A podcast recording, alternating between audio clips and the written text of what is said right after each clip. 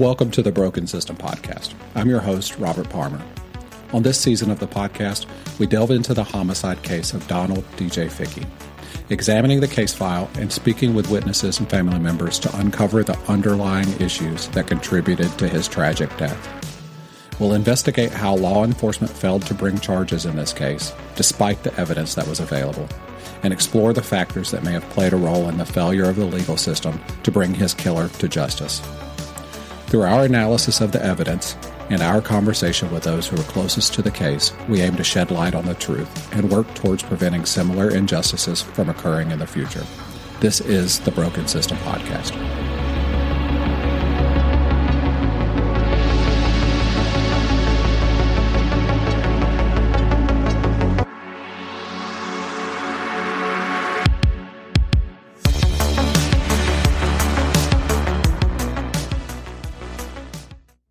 Good evening, everyone. Welcome to the Broken System Podcast. This is Robert, and I just wanted to say thank you guys for being patient and waiting for me to get to this point of this episode.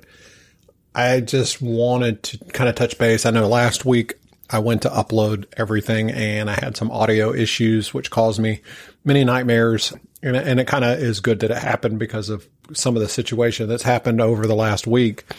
So what I wanted to do is, I, you know, once that happened, I decided to wait till the we went to court on Monday for Marshall's um, initial hearing, and then was going to post everything Monday, and then decided not to because they decided to do his bond hearing on Tuesday. So I'm glad I didn't. So I didn't have to come back and give a second update. But now I'm able to come in here. I want to give everybody an update on, on what happened on Monday and then what happened earlier today with his case as well. So on Monday, we went to support the family and be there for Amanda and Kathy, DJ's mom, and, and the kids to just be, you know, we, we, wanted to be the support in the audience to help and, and just let them know they had people with them. Obviously, there was tons of people there that they had support from. So that was great. It was great seeing they brought all everyone in and you know I just kind of give you an idea of of Walker County Courthouse. It was you know it's a very small courthouse as it is but they actually had two separate things going on in the courtroom at the same time. So they were doing just different hearings throughout you know for for different types of cases. And then also they had child support hearings on the other side of the courtroom. So it, it was a very it's not a very big room but it has a lot going on so they brought all the, you know, detainees in that were there for their initial hearing and, you know, they went through each one to go through and, and when it got to a certain point, they got everybody and took everybody back out. And, you know, Marshall was there. He came in and, and, you know, it was amazing to see that, you know, DJ's kids were there. They looked him straight in the eyes the whole time. They never, you know, they, they just they they made it they made their presence known and they let him know that that they were there they were watching and that they were there for justice for their dad.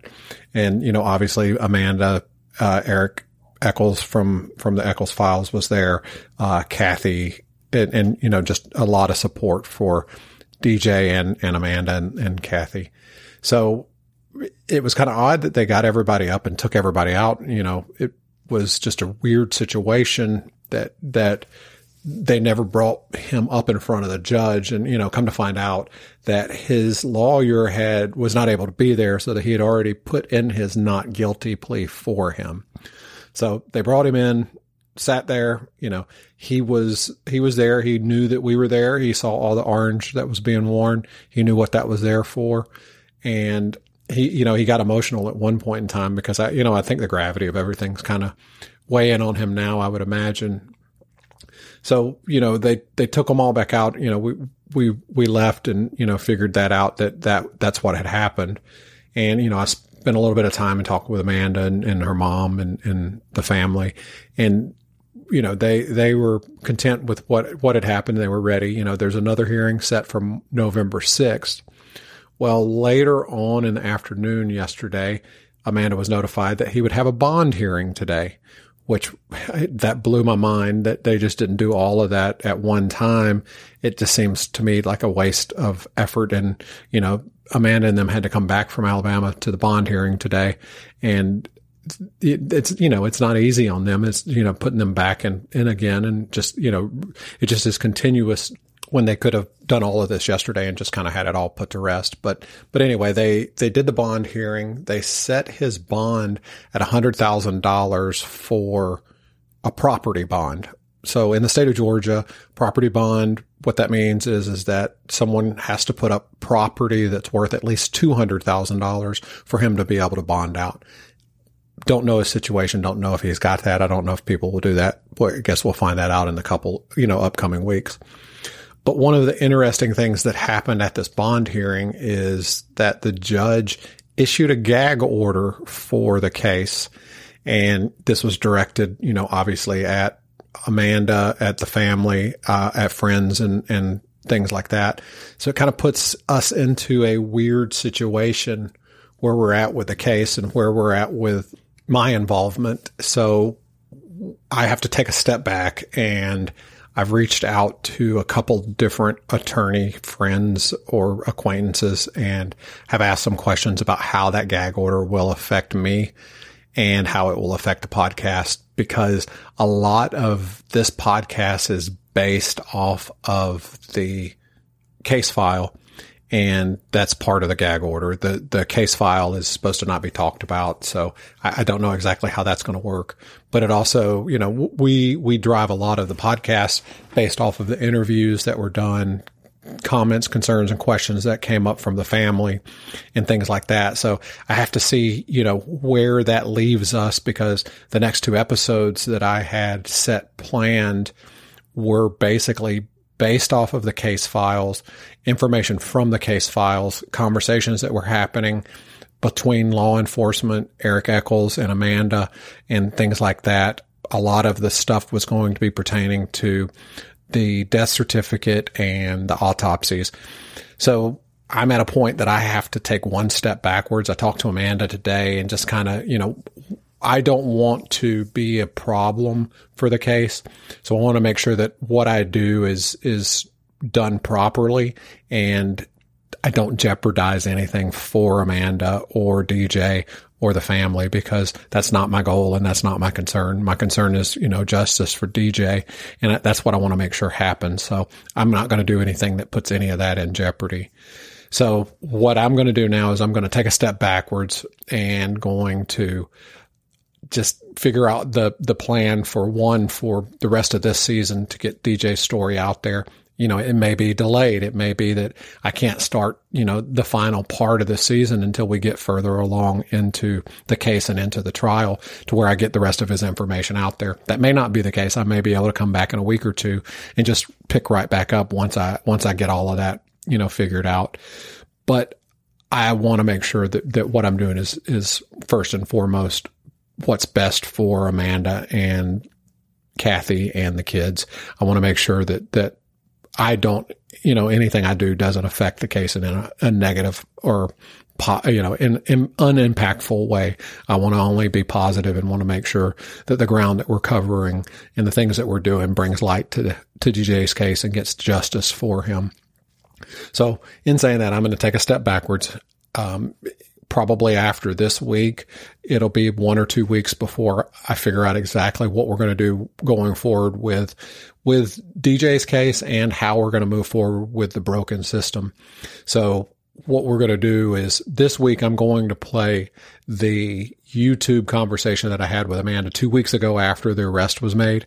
And it was played on YouTube, didn't get a lot of traction there. So I want to play it here so you guys can hear the conversation between myself and Amanda and how we, you know, what we talked about after the arrest. This was all all recorded way prior to the gag order, so I'm not too concerned about that. Amanda was doing interviews at that time, talking about everything. So um, we just want to make sure that we're doing things the right way, the positive way, and we want to make sure that that nothing that we do affects DJ's case. We want to make sure that it's it's able to go to court and we don't have any issues with the jury. We don't have any issues with any problems with the court system in saying that we stepped out of bounds and, and said things or showed things that we shouldn't have. So, so thank you guys very much. Appreciate everything. I am glad that you guys are here listening. And as this case continues, I'm going to keep continuing to update. Once again, the next trial, uh, next court date is November 6th. It's a, it's a good ways away. If there's anything that comes up in between now and then, I'm going to obviously let you know. And then also if this is, you know, worked out to where I know that what I can do and what I can still get out there without causing any problems. I only had about probably two to three more episodes remaining as it is. And, you know, then obviously we would have just tracked everything and followed the case as it went through the justice system. But what we're going to do now is just kind of wait and see get some some i'm waiting on the actual gag order. I'm, I'm going to put in a request for it tomorrow. It'll probably take one or two weeks and i probably will have to go pick it up unless amanda's able to get it sooner. If she's able to get it sooner i'll you know i'll obviously get it to the people that i need to to look at it to see if they can help this out and and, and kind of let me know where i can and what i can do and what i can't do. So but thank you guys for being here, being very patient. Look forward to coming up with what the next case that we'll be looking at here on the Broken System podcast. And, you know, obviously following up and finishing through DJ's story and making sure that everything is documented for, for future for him and for the family. So, you know, without anything else, I, you know, I appreciate you guys join us on Facebook, on Instagram and on Twitter. Let us know what you think and you know like and follow. We'll be doing our giveaway tomorrow and i'll have some more stuff at the end of this episode to talk through. But i appreciate everybody. I appreciate everybody's patience and understanding in this. Thank you. Once again remember this is the youtube live from a couple weeks ago so it'll sound odd when it goes in and the recording's probably not the greatest. So thank you for joining um, us today. We've got with us amanda shirley. She is dj's sister and she's been an integral part of getting DJ's case put to the forefront and and getting everything handled. Um, and you know, you, you guys have heard her on the podcast. We've talked to her a couple different times, and um, you should have seen the news stuff that came out with her this week. And just you know getting everything out there. And i wanted to bring amanda on to kind of talk about the family and and where they're at and you know what the next stages are and and what information they're getting from from the police department and and you know everything that led up to the arrest of marshall. So that that's a big thing for me is that you know i, I want to give Amanda her dues because she's the one that's been pushing so hard and and doing everything. And you know, as I've told everybody, I'm just a storyteller. I can only I can only tell the story. She's the one been out there and and fighting and and doing everything for DJ. So, Amanda, how are you tonight? I'm doing good. How are you? I'm doing good and anybody wants to ask questions, you know, throw up some questions in the comments. Yeah, there is. You can't. You'll have to watch, not watch the the YouTube screen because it gets real confusing because it's a few minutes behind right. or a few seconds. Let's take a quick break. Have you ever wondered what's at the root of homelessness? I used to try to describe it to my husband that um, I said, I feel like I'm in this big spider web and I'm stuck in there. And how wraparound approaches at missions aim to make a difference? It's the things like that, the people who communicated that in spite of my rough edges, that they authentically cared about me. On the Restorers podcast, we'll talk to experts, investigate current issues, share stories, and give you an inside look at how we at Water Street Mission tackle issues related to homelessness and poverty every single day. Join us by searching Restorers wherever you find your podcasts.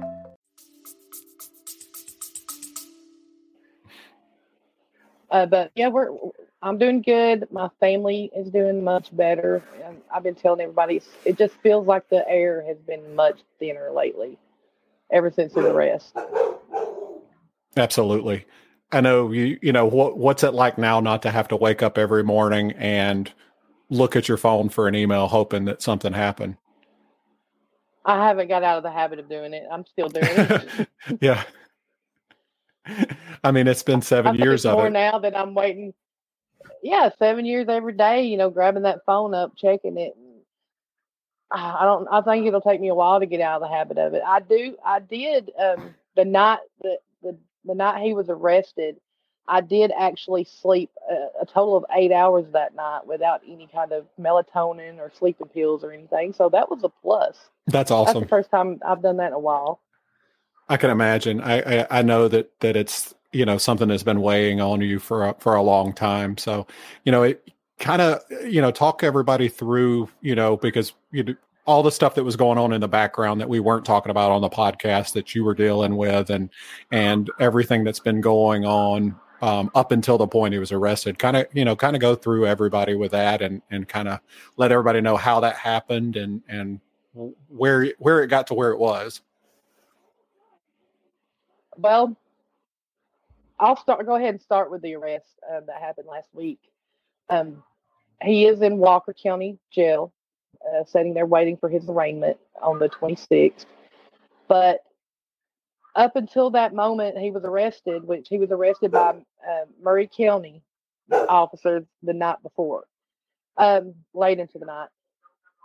We have been, we knew about this, this, uh, we knew about his indictment for seven weeks. He's been, he was indicted back in April the 24th is when he was indicted. The Walker County Sheriff has actually been sitting there this whole time with this, uh, this warrant for murder. And every day I was checking to see if you know was he arrested? Was he arrested? Is he in jail? Is he in custody? Every day and nothing. So I had Marshall's address. I've had his address for seven years. Ever since this happened, I knew he he stayed with his family when he wasn't at the location where the shooting occurred. Um, he's been living with his his family.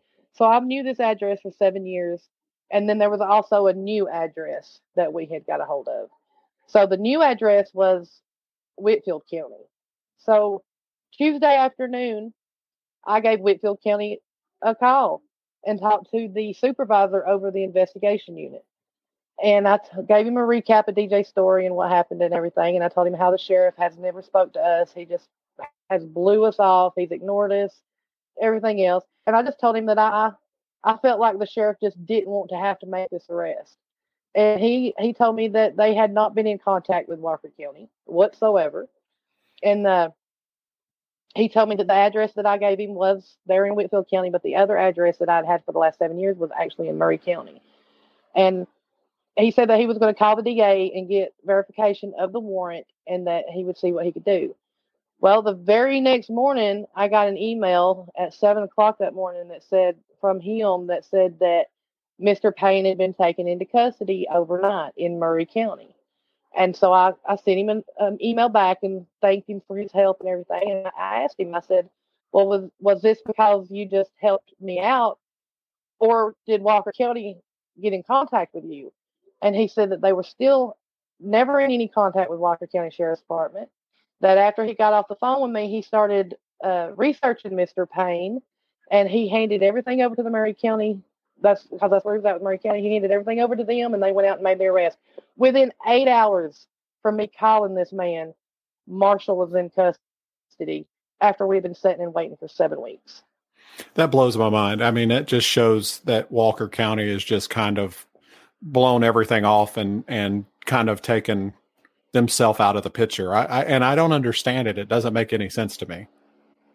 Well, the only thing that I can think of of course, it's still a you know it's, a, it's still an open case because it hadn't went to court yet. Yep. So of course he's going to say that he can't speak to media or anything like that, which he that's true. He can't talk to any media or anything. But there was no reason in not making this arrest. This you you have a man that was wanted for two counts of murder. You could have at least let the county that he's in know, hey, you've got a murderer in your county. You need to take him into custody. Yeah, because no, they would have. They would have. They would have done the same thing for him that they did for you. Yeah, but uh, he back in it was back in 2020 when GBI changed the manner of death. Uh, Sheriff Wilson actually jumped on in front of a news crew and made a comment that's when they asked him if they were going to reopen the case. And his exact words were, changing the manner of death is not a reason to reopen the case. If anything, it convolutes the case, and that he was still leaning towards the fact that DJ killed himself. He said that on the news. So my only thing uh, is, I, I, I guess he just didn't want to make make it reality. Like if he made the arrest, it would have made it real. Right. You know, everything he said, all the times that you know he's ignored us and blew us off and everything else, and then made that comment on TV. It it made it all real, and it just made an ass out of itself. Yep, that's what it did. Yeah, absolutely. And I mean that's that's the whole thing. I just can't believe that they would just completely ignore everything up until that point that you know you as a as a victim has to get involved or you know it, it, that's that's unreal and you know i get it i know every pretty much every family member of a suicide victim is going to they're not going to want to believe their loved one killed herself mm-hmm. they're going to they're going to say oh he didn't do it you know blah blah blah blah i get that i understand that i know probably every person that commits suicide has that family that don't want to admit that. But this is the sheriff of this county. He's been sheriff for 23 or 24 years. He could have at least had the decency to sit down and say, I'm sorry for your loss. I'm sorry y'all are having to go through this. I mean, acknowledge us. It, at some point, acknowledge my family. Yeah, and that that I mean they they have to be able to do that as a sheriff. He, I mean, he's, he's not. He just I don't know. Now is uh, Ellenberg still on the police? Is he still there with Walker County? He's, uh, I believe, he's working for the drug task force now. The last time I checked, that's where he was at, and that was several years ago. So, but he will still be involved, I imagine, in the with the with the trial, I would hope, yes. or with the prosecution. Yes. Because I mean, you know, as as you go through yes. and and listen to everything that we've been listening to, you see that he he realized very quickly that that it wasn't right and there was things wrong with it. And I think he was, you know, I think he was pushing well, for an arrest. I do too. And the thing about it is, in the state of Georgia, a coroner has authority over everyone. When a coroner comes onto the on a scene, if it, if there's a body, suspicious death, suicide, a crime scene, whatever, that coroner has the authority over everyone on that scene. He can arrest the police there. He can arrest the detectives. He can arrest the sheriff if he needed to.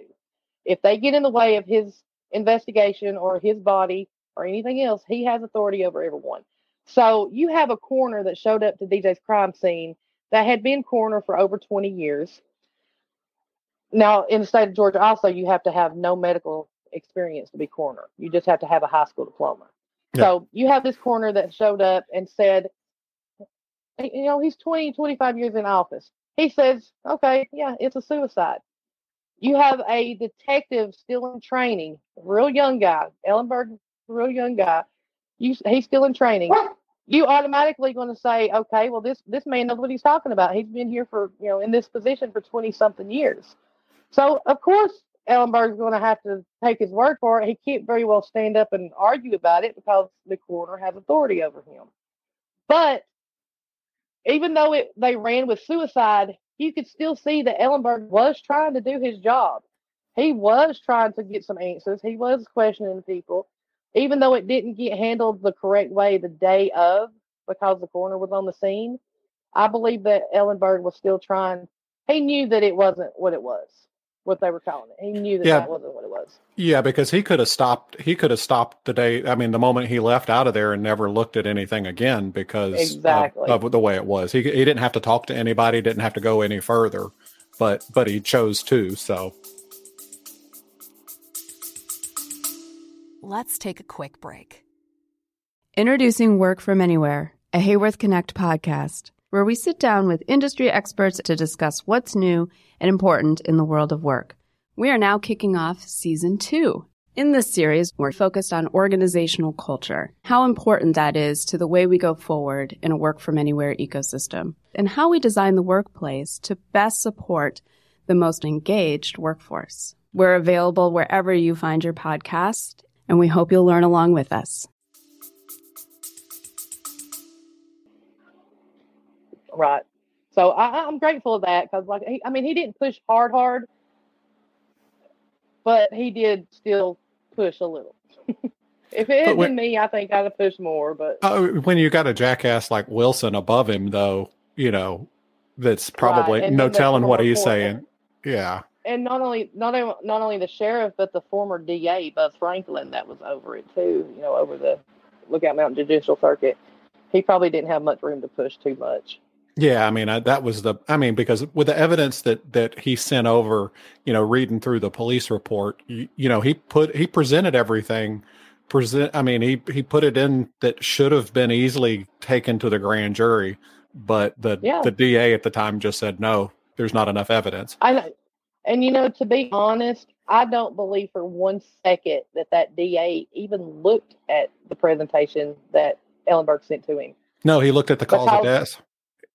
Yeah, the statement that he made, the statement that he wrote out to the detectives to tell us, you know, when they call us in to tell us whatever, it was the stupidest thing ever.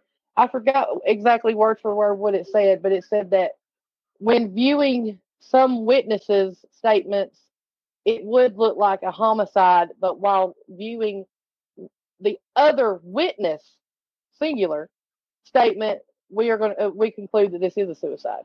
So basically, he was saying that looking at two witnesses' statements, yeah, it looks like a homicide. But looking at the one witness statement, Marshall's statement, it was a suicide. So he admitted on paper in that statement to detectives that he was going with the murderer's statement. That just blows my mind. I mean, it, there was a lot of issues with him. I know Eric Eric was wrapped up in a case with him as well Yes. that that was Yes. pretty highly publicized. So Yeah, he actually uh, covered Eric covered the uh, Tonya Craft case. Yep. Out of out of that same judicial circuit, Yep, that was a mess. it was awful. So what, what's the next stages and what's the next steps now for you as as the family and for uh, for the the court side of it? Um, well, as far as the court side of it, we have, like I said, the arraignment is going to be Monday, June the 26th. After arraignment, he'll he'll come up for a bond hearing.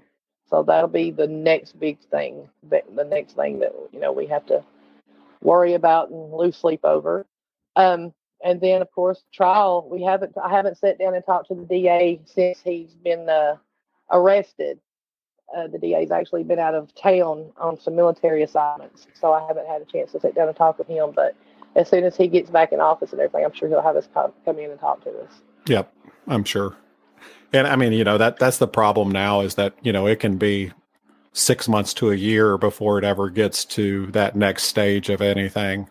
I, I don't know. I, I mean, with the with the charges, they're pretty pretty severe charges. I don't know that I guess this bond will probably be pretty high, I would imagine. Uh, you know, you always hear that they can't set you a bond for murder, but actually, I believe in the state of Georgia, it's a law that they have to set you a bond. But with it being a, a case a case like this where it's a murder, they can set it so high that you'd never be able to make that bond. Right. Yep. Just make it unattainable to where, you know, where where he's not able to do it. I mean, you know, and I guess the next stages are I, I with everything, I just don't know what his mindset is. Is if, you know, I know they charged him really, I mean, with what they charged him with is, you know, either a life sentence with, you know, there's only three options with with parole, without parole, and death. So, Death. you know, and and with parole, I think it's 30 years he has to serve before he's eligible for parole on that. So, That's what me and my husband were talking about the other day. I was I was thinking that even with possibility parole, that they still had to do a certain percentage of time. Yeah, there's a thinking it would be mandatory. thirty or thirty-five years. Yeah, it's mandatory 30 years um, for that. Yeah. So that's going to be, you know, it, it'll be interesting. I I don't know that it'll get to the point. I mean, I don't know if he'll if they'll plead him down. I'm sure that they're going to talk to you guys about that. I don't. I you know I don't know.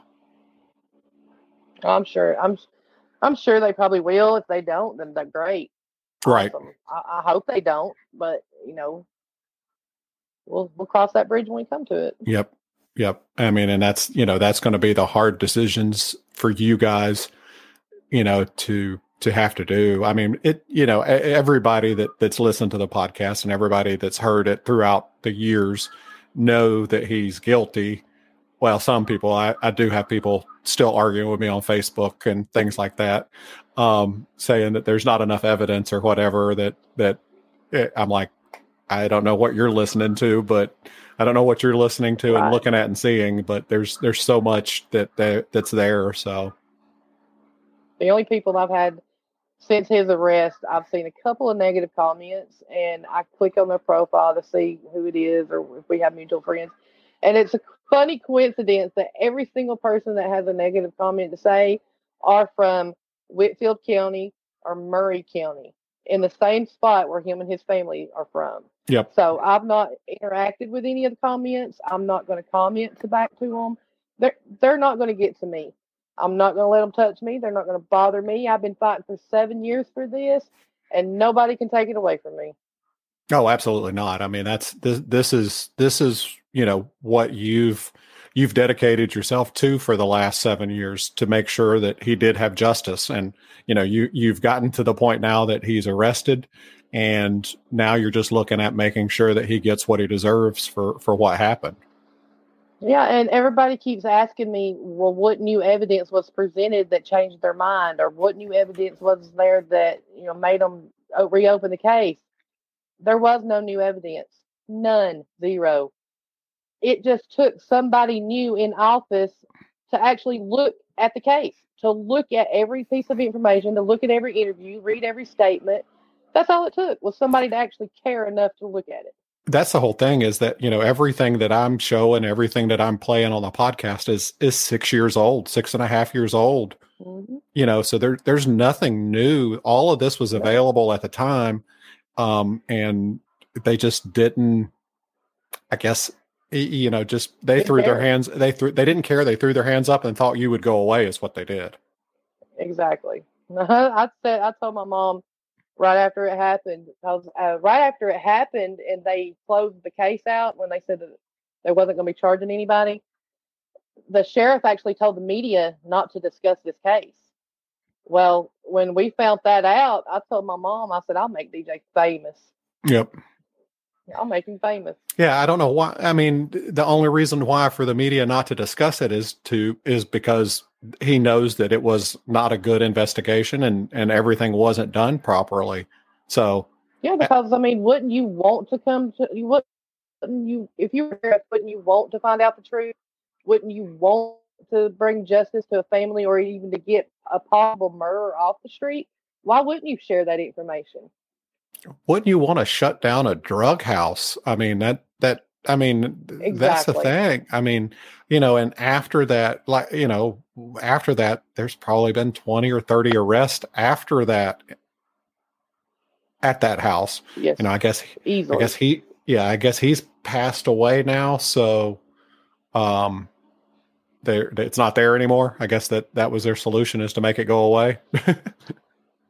well, actually, he's the old man is still alive. I think he's just moved. It's kind of a routine with him. He'll he'll go somewhere and live oh, okay. for ten years, and then when I guess when the heat gets on them so much, they just pack up and leave to the next county. But he's done this as long as DJ's not, as long as DJ knew him. I knew of him uh, moving twice. He used to live in Ringgold, Georgia. Then they moved down here to Flintstone, Georgia, and now they've up and moved again. So I'm not sure where he's at. But yeah, the trailer. Everybody, I have all these people that live around there that always keep me in touch with what's going on and keep me updated. They actually said that it's nice to drive by there and see the trailer just collecting dust and everything. Nobody living there. So good, you know? Yeah, absolutely. I'm happy I mean, for all those people. I'm sure those yeah. people are fed up with all that. Oh, for sure. I mean, they didn't, you know, they didn't want people, they, and they probably didn't even realize it. I mean, I, am sure they did after the third or fourth time the police showed up out there, you know. So, right. Well, good. So, I mean, your mom's doing well. She messaged me on Facebook and said, "Finally, I think that's that's basically what she sent me the night that that uh, Marshall got arrested." So she, she, you know, I think I know she's relieved and and yeah. Then you've got to you've got to overlook my mom. Sometimes she can't. She doesn't do the texting thing very well or anything. She doesn't know how to use things online. So no, that was that that was perfect. I, I I didn't expect anything else from her other than that. That was awesome. She just, uh, you know, I could tell that that meant a lot to her. So, oh yeah. And the kids are good. Uh, we do have a. The kids are great. It was. I just started bawling the day that he was arrested. Uh, mom told the kids, and Jack's the oldest, the little boy's the oldest. He wanted to come down to Mimi's house. They call me Mimi. I don't know where it came Mhm. from, but it just stuck.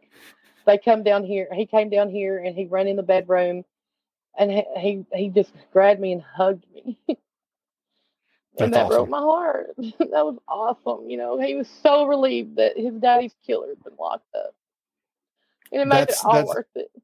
that's the thing about it is is that it's it's you know no matter what you did without him going to jail and being you know basically taking ownership of what happened you weren't ever going to be able to convince the kids without that you know now that they know Right. they know that everything you're fighting for they know that everything is is it's the way that it should be and and that's what I've said from the beginning. You know, if even if nothing came out of this, if nothing ever happened, there was no arrest made, at least those kids would be able to when they get older, they grew up and they googled their daddy's name, they could see it for themselves. They could see the truth. They could see how much I fought to try to get their daddy killer in jail. And they can make their own conclusion, you know, which truth is truth, facts are facts. So but I, I just I, I started this for DJ and the kids. That's why I Yep. started this, and I finished. I Yes. took on an entire state and I won. it's amazing and that's that's the most important thing and and you know you you should be able to take a step back now take a deep breath and just you know start enjoying life and, and start grieving you know you can get to Yes. that grieving process of okay now we we you know i knew what happened but now now everybody knows what's happening it's just not some crazy Right. lady out yelling about it um right. that's you know that's the hardest part is you know it, it's like you said everybody has that first that first thought a process of of okay it was a suicide he, they wouldn't have done that so everybody thinks that and every family member i would think anyway and Right. but but you've been you've been so loud and vocal about it and now everything is just i don't want to say justified but it's it's it, it it it's the to the point you're able to say see i told you Right. Yes. Yep. Because for for a grand jury to to to, to indict someone on two murder counts, there's some heavy hard proof there, evidence there for them to have seen, for them to agree to that. Because otherwise, it's either going to get thrown out, you know, no indictment, something. But that to me, that is a that is a jury. I think a grand jury is 16 people. A, Mhm. That is 16 people saying, "Yeah, he did this." So, it coming from a court on paper, that that helps me a lot. Absolutely. And the fact that they charged him with two different counts, you know, the felony and the and the malice murder, that's huge as well because Yeah. there there's you know, unfortunately it's been 7 years, so some of the other charges that they could have gotten him with We're gone. are gone because it just just out of time. So Yeah. now that they're able to do that, it's going to be, you know, key to make sure that that one of those two are going to stick. One way or the other, Right. one of the two will. Um, I think felony has to be proven that there was a commission of a felony, but I mean, he was a. So if he's a convicted felon, right, Yeah. and he had a firearm, I mean, that's a felony. Right. Well, So- and not only that, but it was a sawed off shotgun, which is a Yep. federal offense. Yep. So that's still a commission of a crime right there, just having a sawed off shotgun. Yep, and it was his gun. I mean, that's the thing is Yeah. that he he tried so hard to push that it was DJ's gun that he was so hard that he got it from what did he say from from the, The- from the the, bloods the bloods out of out of Walker County because they're it's the, uh-huh. the, the Crips and the Bloods are so so big out It's- there. yeah, such a big crime rate. You know, crime. The gangsters are so bad down there. exactly. I, when he said It's that, I was like, hear- it's funny hearing some of his little comments. that's that's what's so crazy is is that when you when you actually sit and you know that's what we've done through the podcast is sit and listen to his interviews and just how much his story changed from from the 911 calls all the way into his interviews and you know tonight once we get off and we're done here we're gonna we're gonna lo- we're gonna listen and go through the last part of that you know that interview from where they called him back in after the polygraph was done yeah, that's interesting. And it's funny that you know I, I was getting the, the, everything ready to go to hear what the detective said in between when Marshall wasn't in the room. I'd never listened to that because I'd always Oh, just yeah. I'd always just fast forwarded to the point of when Marshall came back in. I never thought about listening and and basically he's saying, Yeah. you know, this guy's guilty. Eh, Yeah. you know, I'm not going to be surprised that when we go back in here that he doesn't ask for an attorney. And he never Mhm. did. I, I guess he thought Yeah, he could talk himself out of it. it's the detective that's doing the polygraph examination talking to Ellenberg, which is the detective over the case, and they're talking Yep. amongst themselves. And there's even a phone call made on there and everything else. And I, I believe, if not not mistaken, El, uh, the the one that gave him the polygraph test actually made the remark to Ellenberg that if this went to court, he wanted to go with you know he wanted to go to court with. Yeah, I believe I believe Like- it says it. I, I believe he says. I can't remember word part. for word, but Yep. I'm pretty sure it, it was along those lines. So yeah, it's. I heard that. I had that cranked up with my earbuds on, and I turned it up and listened to it a hundred times to make sure I heard it all right. And I was like, "Wow, Yep, tonight was actually the first night that I I'd actually heard that because I'd been like I said I, I usually just fast forwarded between the time he got up out of there to to when they brought him back in just because I didn't feel like there would be anything on it and when I was clipping everything out tonight I was like oh wow I didn't never hear this and that's you know we'll play that for everybody and you know it, there's big discussion about the polygraph but I didn't realize Georgia was you know that they Yes. had to agree that they use that that they could use the polygraph either Yes, way. see, that was another thing that we were lied to about because when they called us in to tell us originally that there was not going to press, you know, they wasn't going to press any charges or anything, we asked them, well, what about the polygraph test? They told us a poly, well, it can't be used in court. Oh, I've always thought that. Okay, a polygraph is, is admissible in court; it can't be used. No, not in Georgia. Georgia law is if you sign and agree that that polygraph test can be used against you in court, it can be used in court. And what did he do? He signed and agreed to that it could be used against him in court. Yep. So that was just a straight out lie to us. One of the many.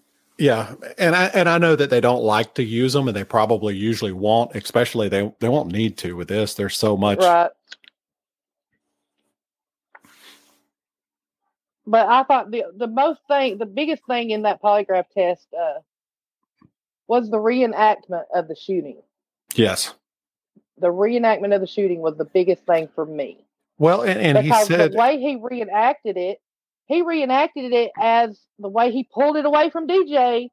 Boom, that gun went off. Well, the way he pulled it away from DJ, it would have went from right to left, upward. Yep. Uh-uh. DJ was shot from left to right, downward. Well, and what's so funny when we were we were watching that on here, and some of the people that were watching it were like, "Did you see his finger?"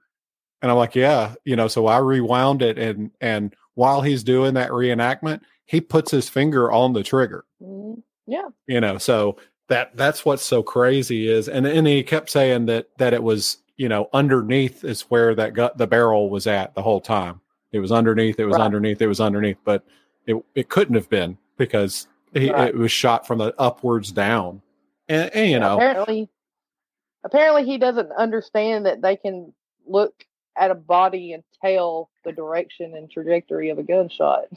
Oh yeah, no, I don't think so at all. And, and uh, you know, it's un it's unfortunate that that it ever came to that, and and it was just probably just stupidity and drugs is is the Yeah. two things that it came down to. and jealousy. And jealousy. And jealous, yeah, yeah. He was. I think he was afraid that they were leaving, that they were going to leave him, and he was going to be, you know, that Brandy was going away.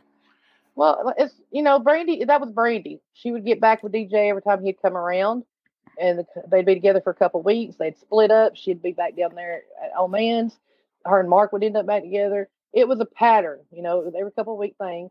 But what I think what changed this time, the difference between this time and all the other times were, is just a day or two before, Mark put his hands on Brandy. Yep. He beat her. He beat her bad. No, she no, he didn't. No, later. No, he didn't. she she she hit her head on the window. Yeah. through the the screens and and hit her hit the, hit her head on the toolbox and all that kind of Right. stuff. couldn't imagine why him and DJ would. I couldn't imagine why him and DJ would have gotten a fight. Right, but and and I, I honestly think that that's what it was. He felt like, well, he finally put his hands on her. This time, she wouldn't be back. Yep. And I think that's tr- I think that's actually true. I think that's exactly you know I think they would have left that time and and and you know you want to think they would have made a change. Yeah. Well, I know DJ was wanting to. I can't say he would have, but I know It's I have the messages. You know, I have the messages the weeks uh, leading up to this where DJ, you know, said he didn't want this life anymore. He wanted to get clean. He wanted to get sober. He wanted to be there for his kids. He wanted to have his family back. And I even took him to a place up here in Chattanooga a couple times. It was an outpatient. He couldn't get into any kind of inpatient, but it was an outpatient place. And he was he was definitely wanting to get clean and sober and get his life back on track. But she just kept But I- drawing him back into it. I just say he never got the chance. Yep. Have you heard from her at all? I have not. I mean, I, she has to know. She has to know that he was arrested. So, Oh yeah, she has to know that. I mean, it's all over the place. It's everywhere. yep. And I'm sure that that people that are still in contact with her or whatever have reached out as soon as it happened. Yeah, I'm sure. I'm sure she has. She did have a Facebook page. Um, she had contacted me on a couple of months ago, and I actually looked for it to see if I could find her to send her a message to tell her, you know, he had been arrested. But I can't find it, so I don't know if it got locked up or she deleted it or what. So Yeah. That's crazy. I, I, you know, it, I, I would think that she would be the first person calling you guys to, you'd to, you know, and, and especially with the kids. Well, mom adopted the kids, so she out, she actually doesn't have any rights to them anymore. We we didn't want her to be one of those convenient parents that just come around or called every couple of hours or every When couple of years. Sorry, when she needed, when she needed stuff. exactly. So the kids are much better off with mom adopting them. They're loved beyond anything in this world. I Oh, mean, yeah, that's, absolutely. That's our that's still that's our piece of DJ. Still, you know, we see DJ in them every day. The things they say, the things they do, their little facial expressions. It's one hundred percent parts of DJ. Yep. Absolutely. And God, we would we would go beyond measures for those kids to protect them. Well, I mean, that's, you know, that it, it goes back to that they're, they're your part of DJ. So Right. you're, you're going to do everything for them because, you know, you're doing it for him as well. Exactly. And you know, I looked at, and that's the way I was doing Brandy when DJ first got killed. I was angry with Brandy the first couple of months, but then I, I asked myself, how would DJ want me to treat her if she didn't have anything to do with this? Yep. And so that's how I tried to treat her. I would, I would, when she would go to jail for something she did, I would be the one that would research, you know, I would take her phone calls. I would put money on her books. I would write her letters. I would go and visit her. For months and years, I did that. Up until the day that we had the meeting with the GBI, director of the GBI. She was supposed to go with us. And my sister drove an hour away in, to Chattanooga to go pick her up. She pulls in the driveway, and I've been trying to call Brandy all day. She wouldn't answer. As soon as my sister pulls in her driveway, she messages me and says that she just can't do it. That she wished we understood how hard it was on her to have to talk about that. And I went off on her. Yeah. I told her that she had no idea how hard something was. Yeah, she may have seen seen him get shot and killed, but she was only with him for two years. I had him in my life for 27. She had no idea how hard it was. Yeah. Absolutely not. And I always felt like as long as she had DJ's back, I had her back. But when she did that, when sh when the main witness would not go to the GBI director and talk to him, it went all over me because nobody gets an appointment to sit down and talk to the GBI dir- Mm-mm. director. Absolutely not. I just I just got lucky with that. I got very lucky with that. Yep. So for for her to do that, that was it. I was done, and I've not had nothing to do with her since. That blows my mind. And, and you know, she's going to be, she's going to be part of this next stage of stuff. She's because Oh, she's, she's an eyewitness. And what about, uh, the other people that were around and in the house are they still around or are they all disappeared? Um, yeah, actually, I spoke to Fat Boy about um, it's it's been in the last six months. Okay. I seen him on I seen him on Facebook and I seen him a message. I found him on Facebook and I seen him a message. And um, he actually looks really good. He, he Good. I don't know if he's married or if he's just dating this girl, but they look the they they both look good. Um, he looks really healthy and everything now. He looks like he's turned his life around. Good. That's I mean it that it sometimes it takes something for like this to Yeah. see something like this for people to to realize out that of it get get a hold of themselves. well, I mean it, it could be them.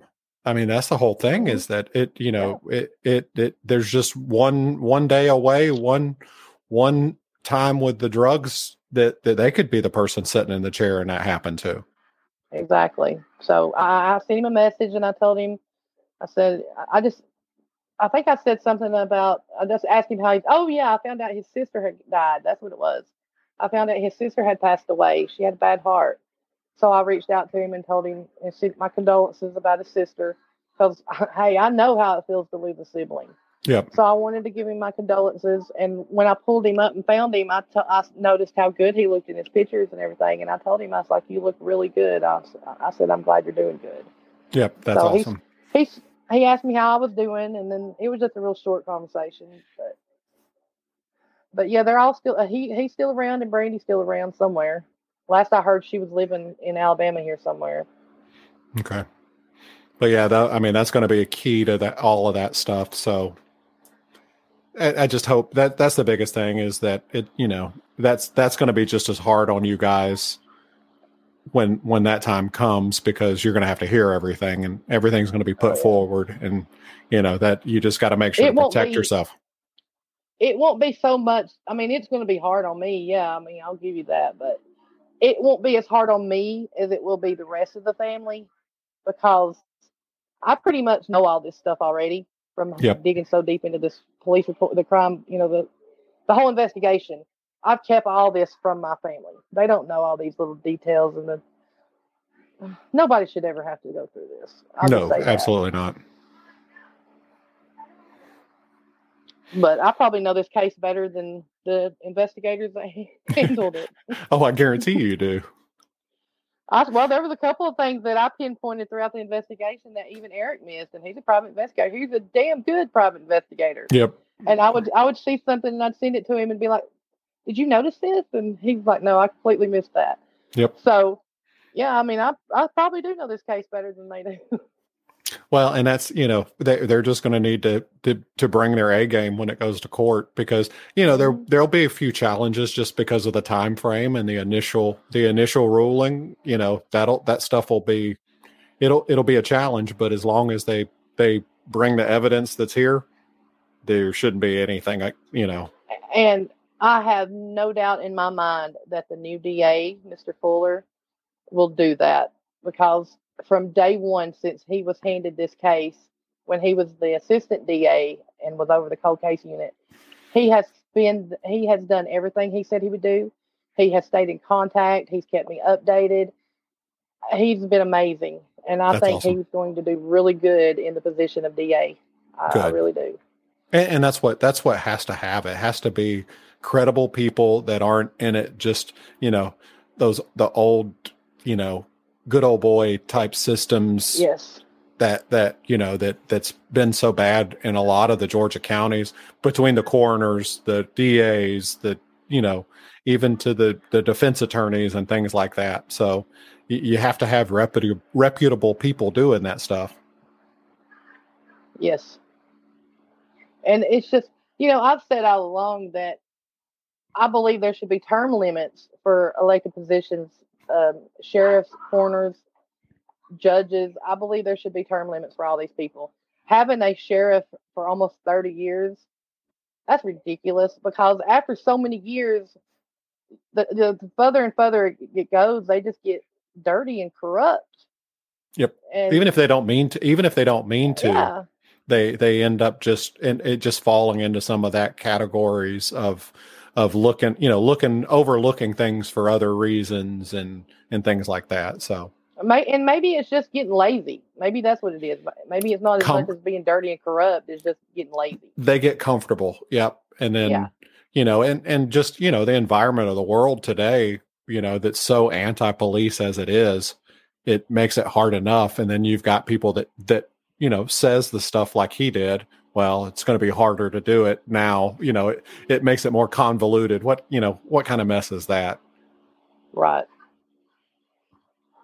So, but I appreciate you you covering this case. I appreciate you starting this podcast for other victims and their families. Absolutely. You're doing a great job. You're doing an amazing job. Thank you very much. And you know, that's the main thing is when when we hit this point last week, I was like, okay, so what do I do? And and you know, I you know, I talked to some people and they're like, tell the story. You know, everybody needs to know. Everybody needs to be able to come into this from the very beginning in three years and um and say, okay, this I I know this story from front to end. And and that was my whole purpose of this anyway, because I wanted to make sure that his whole story got out there because I don't feel like you know, there were some good podcasts on it, but I still don't Right. feel like everybody heard everything. And that's what I wanted to I do. didn't release I didn't release everything. I released everything to you, I but appreciate I that. held back a lot on all the other podcasts. I appreciate that. It, it's made it's made it a lot easier because of of being able to have all that information and and when I tell people this guy's guilty, then I'm able to show, you know, Right. why he's you guilty. It's it's easy. Right. Well, you're doing a good job, amazing job, and I know you'll have a lot more podcasts to come from this. I think so. So, But you know, sadly, people I mean, I hate that you have to cover all these cases, but It's it unfortunate. the right reasons. It's unfortunate, but but I want to be there for people, and I want to you know I want to be able to get the story out, and just just to put pressure and people, and you know you know as well as anybody that that getting people to talk about it is the most important thing. The more people you can get to people talk about it. Yep. Exactly. Getting getting them to listen originally, like getting on a podcast, is a huge deal. It might not sound like much to any ordinary person, but when you're fighting an injustice, getting on any media or on a podcast or anything is huge. Yep. Because, like me and you said before, even if one person hears it that hasn't heard it before, that one person can share it to 10 people. Those 10 people will share it to 20 people. And that by the end of the year, 200 people knows this story just by that one podcast. yep, and that's the goal. Right. And you're Well, doing th- amazing work. And I, I, I I will definitely be sending you some more families. Thank you. And that, yeah, because I've got probably, I'm going to go through, you know, basically where you brought Eric in. That's where I'm going to start at next week and kind of go through everything that he did and, you know, show that in the next week's episode. And then probably one or two more episodes kind of tie everything up. Um, you know, and I'm going to be around for, for all the court stuff as best as I can be and be a part of that and, you know, get that out there so we can get it you know, I, I really want to start to finish. Um, and we'll be right back. Are you tired of having an unruly, scraggly beard that just won't cooperate? Look no further than Copper John's Beard Company, your one stop shop for all your beard care needs. Our commitment to quality ingredients and unique scents will take you on a journey to create your perfect beard. Specially formulated beard oil and butter will give your beard the TLC it deserves, leaving you looking healthy, manly, and wise. But what sets us apart from the rest? Copper Johns is the only beard product company that uses inland sea minerals, providing your beard with essential nutrients and minerals for optimal health. Don't settle for a lackluster beard any longer. Upgrade to Copper Johns Beard Company and take the first step towards achieving the perfect beard. Use code BSP10 at checkout for a special discount on your first purchase. Order now and start your journey to a healthier, more confident you with the Copper Johns Beard Company. For DJ, you know, so that that at some point in time somebody wants to sit down and listen to his whole story, they'll be able to hear the whole thing from from start to finish. So Right. And and that's another thing about pod, all these podcasts and all the media coverage and everything. This is a learning tool for a lot of people because when I first started doing this, I started researching trying to find cases that were similar to DJ's. I couldn't find any. Like yeah, there's tons of suicides out there and there's tons of suicides that were actually murders. Yep. But I couldn't find any coverage on any any article. I found one. And a lot of people know the Christian Archuleta case. And Yep. I've been following him since I started fighting for DJ, and it was it was like the identical story. Like it was the same story, just different players. Yep. And so, if nothing else, if anybody else ever goes through this, God forbid, at least they can pull up DJ's story and learn from it. If you know, if nothing else. The biggest thing I've found is is that with a lot there, you, you've got you've got so much information in all the reports and everything like that. In some of these other cases, it, it's a one page police report and n- not even really an autopsy. Or they don't have, or they don't have nothing at all. Yep. No witness Yeah. information, nobody talking about it. There, there's no, there's no information. And, and once you get, you know, you could imagine if it was five years past trying to go off of just a, you know, half a page police report and a, and a shoddy, uh, autopsy that just says suicide on it. There's really nothing you can, you know, it's hard and, and to get people to talk about it is almost impossible. Right. And I mean, the only other thing you could do on a case like that would be exhume the body. Yep. And if it's been five years, I don't even know if there would be any evidence left of a body to get. Not enough without you know depending on exactly what happened and and everything right, like that injury. Yeah. So I just, if that, if nothing else, if I hope that people will, because I can't imagine how many families have been told their loved one committed suicide and they just went with it because they didn't know any better. They, Yeah, I mean, they, they automatically assume, okay, yeah, they killed themselves. I just, I can't imagine how many families are out there, or, or the ones that have been told their loved one killed themselves and didn't have the money or the the means to fight the system. Yep. Which I didn't have the money. I didn't have the money to fight the system. I just did it. I, I tell everybody all the time. Luckily, I had nothing but time on my hands. I have a boring life, so that was the only thing that I guess kept me going is because I have a boring life. I was able to put the time into it and the effort and everything. But if nothing else, that would be my. I guess that would be my message to everybody, to anybody that had a loved one kill themselves, question it. Yep. Don't automatically take it for what it is. If you believe your loved one killed herself, I get it. If you don't want to go through this process, I get it. But if you honest, if you believe that there's there's you know suspicion to it, question it. yeah that's the most important thing is is that you know fight for fight for what you believe and make them prove you wrong and we'll be right back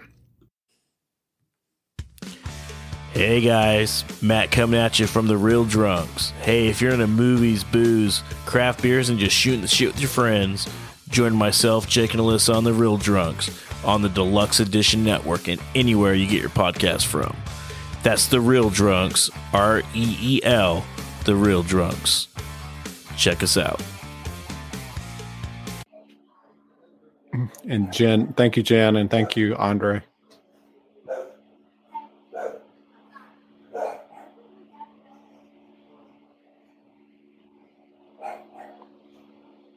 I hear your doggies out there. yes they're uh uh, yeah they're really loud i didn't know they were going to be that loud they're usually really good Hey, you're fine. I have a dog and a kid and a husband, so I'm surprised you haven't heard one of those three yet. That's funny. Well, thank you very much for joining us. I appreciate it. I'm I'm thankful for everything that you've, you know, I'm I'm glad that you've finally gotten justice or in the first stage of justice, I'll say. Yes.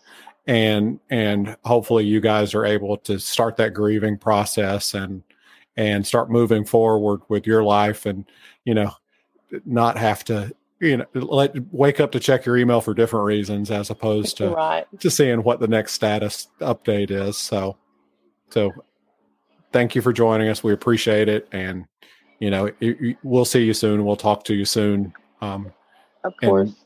and you know if you need anything from me, and or if I do something wrong, yell at me, please. You know I will. Absolutely. Thank you, But- Robert. Y'all have a good night. Thank you. You too.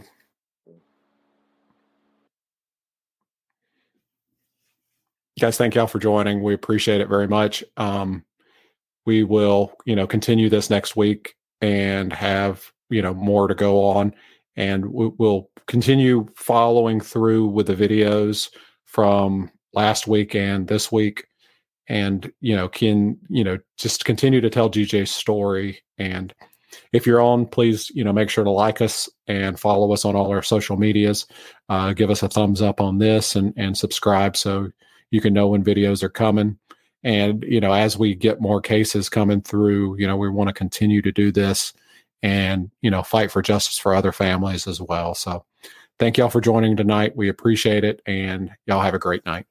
So thank you guys for joining and we appreciate it very much. Once again, we'll we'll get back to this as soon as we can.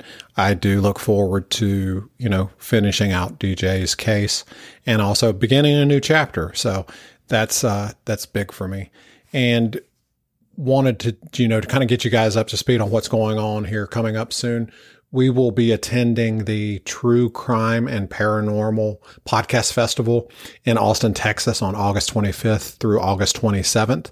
So we hope that as many people can join would, you know, come and see us. That'd be great. We'll be out there with all the other podcasts. There's a bunch of guys that'll be out there. A lot of people that you listen to, I know for sure. A lot of people that I listen to. So I'm going to get to meet a lot of those guys. And you know, come by, talk about DJ's case, talk about, you know, what we could talk about in the future, how, you know, how we need to progress and how we need to go forward. So, you know, that, that's going to be a big thing for us is, is getting this story out there still and just, you know, letting everybody know what's going on. Please also join us on our Twitter, Instagram, and on Facebook at the Broken System Podcast. You know, this helps us get that story out there. The more likes and follows that we get, the more people that can hear this story, the more people that recognize it and, and know what's going on. So thank you guys. I appreciate it once again. I know that, that it's not the ideal situation. I wish I could just continue to go on with the story, but I just want to make sure once again to do what's right for DJ and, and what's right for the family. So we'll get there. Thank you guys and appreciate it very much.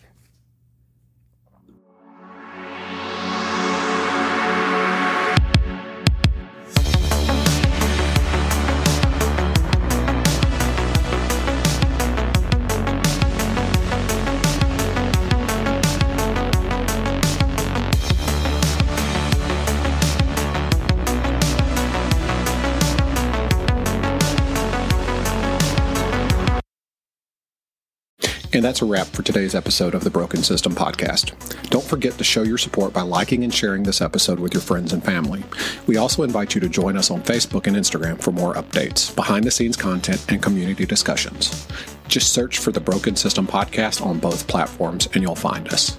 We encourage you to check out our show notes for this episode, where you can find links to our partners, a transcript of the episode, and information about the music you heard today. We want to make it easy for you to access all the resources we discuss on the show. And lastly, this episode was written, edited, and researched by Robert Palmer. Thanks again for tuning in, and we look forward to bringing you more thought provoking content on the next episode of the Broken System Podcast.